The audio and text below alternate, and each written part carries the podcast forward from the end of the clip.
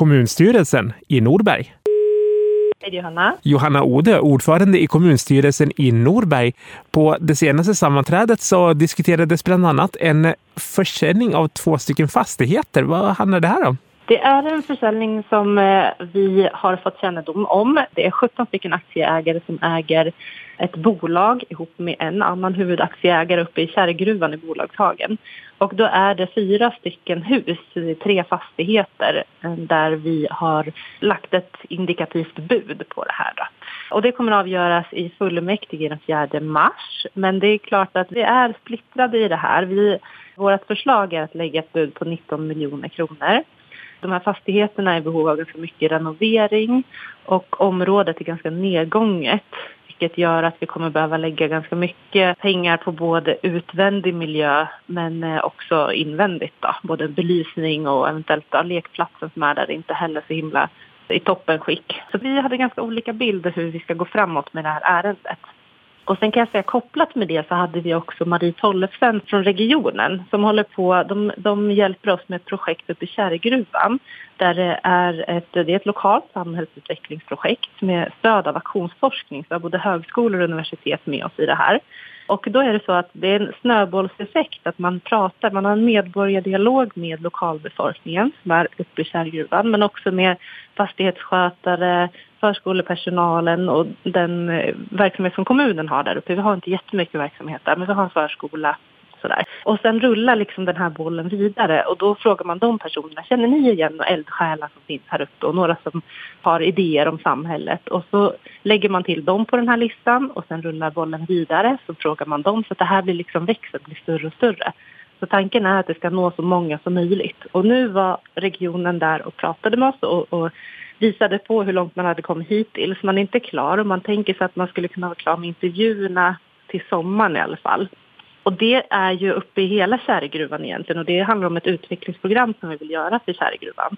Och då är Bolagshagen egentligen en ganska stor del av det här projektet också. Så om vi hade fått välja så hade vi ju tyckt att de här medborgardialogerna det hade varit toppen och de hade kunnat vara klara innan. Men vi har ju inte möjlighet att påverka när de här säljarna för Bolagshagen säger hej nu vill vi sälja det här bostadsbeståndet.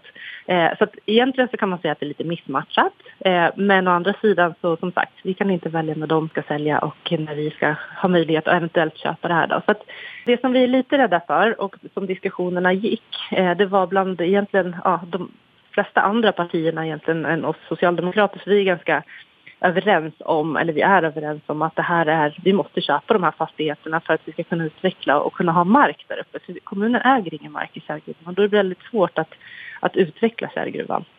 Och eh, det som de tänker på det är hur vi ska göra med fastigheterna framöver. Om vi ska riva någonting och eh, använda oss av grunden eller om vi ska, vad det är för utveckling vi vill ha där. Och då är ju det här projektet som regionen har med medborgardialogerna med lokalbefolkningen en väldigt intressant del i det här givetvis. För att vi vill ha fram det innan vi väljer hur vi ska utveckla Kärrgruvan.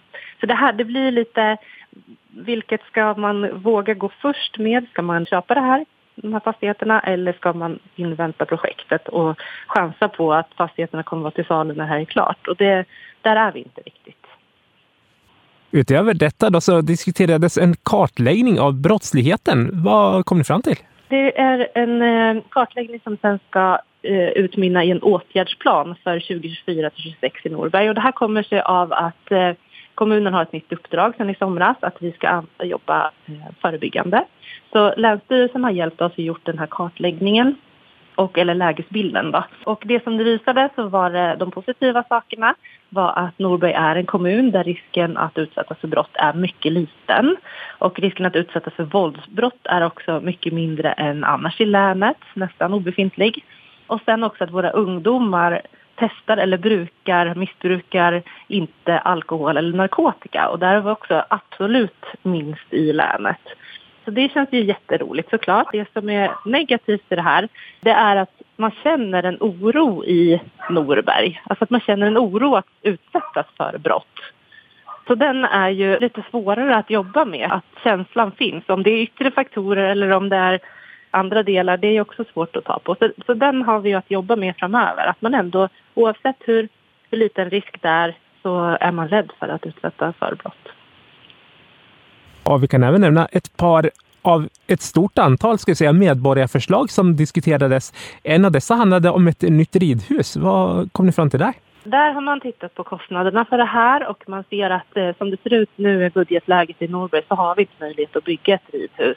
Men vi har också sagt att självklart så hjälper vi föreningar om man vill gå ihop och göra det här att söka bidrag. För det finns bidrag att få ifrån olika instanser och det är vi absolut behjälpliga till.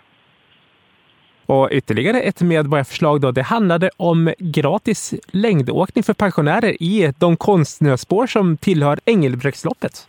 Ja, precis. Och tyvärr så är det avslag där också som är föreslaget till kommunfullmäktige eh, den 4 mars. Och det handlar om att det blir en svårighet i det hela. Vi har inte den ekonomin egentligen heller i kommunen att kunna erbjuda det här. Men det är också så att allemansrätten är så pass stark så att egentligen så kan vem som helst använda sig av spåret utan att betala spårkortet. Nu är det ingenting som vi önskar att man gör utan det vore ju bra för då har vi också möjlighet att underhålla spåret givetvis. Då. Men det är inte helt enkelt. Eh, så den är, eh, förslaget där är avslag. Och till sist så kan vi även nämna en motion. Den handlade om ett anhörigbidrag. Och den var det också ganska så mycket diskussioner om. För att eh, förslaget där är att vi ska utreda ett anhörigbidrag och då har vi sagt att det vore väl bra om socialnämnden utreder det här, socialkontoret och sen så får de själva, om de tycker att det här ska införas eller inte, så ligger det på, på dem att göra det. Och diskussionen här var att många eh, sa att, ja men eller många, men det fanns de som tyckte att det här kunde vara en kvinnofälla. Det var de som tyckte att det kunde vara lika väl en mansfälla. Men att man, att man inte ska känna tvånget att vårda sina anhöriga. Men eh, samtidigt så finns det de som gör det idag också. Så att, eh, ja, diskussionerna gick ganska varmt här också, hur man skulle se på det här. Men eh, förslaget var enligt just det att man på socialnämnden kan få besluta det här och utreda det. Så får man avgöra själv om man tycker att man landar i, i någonting som man vill stå för. Så långt kommunstyrelsesammanträdet i februari. När är det dags för nästa möte? Nästa möte är den 15 april klockan kvart över ett. 打一万了太快了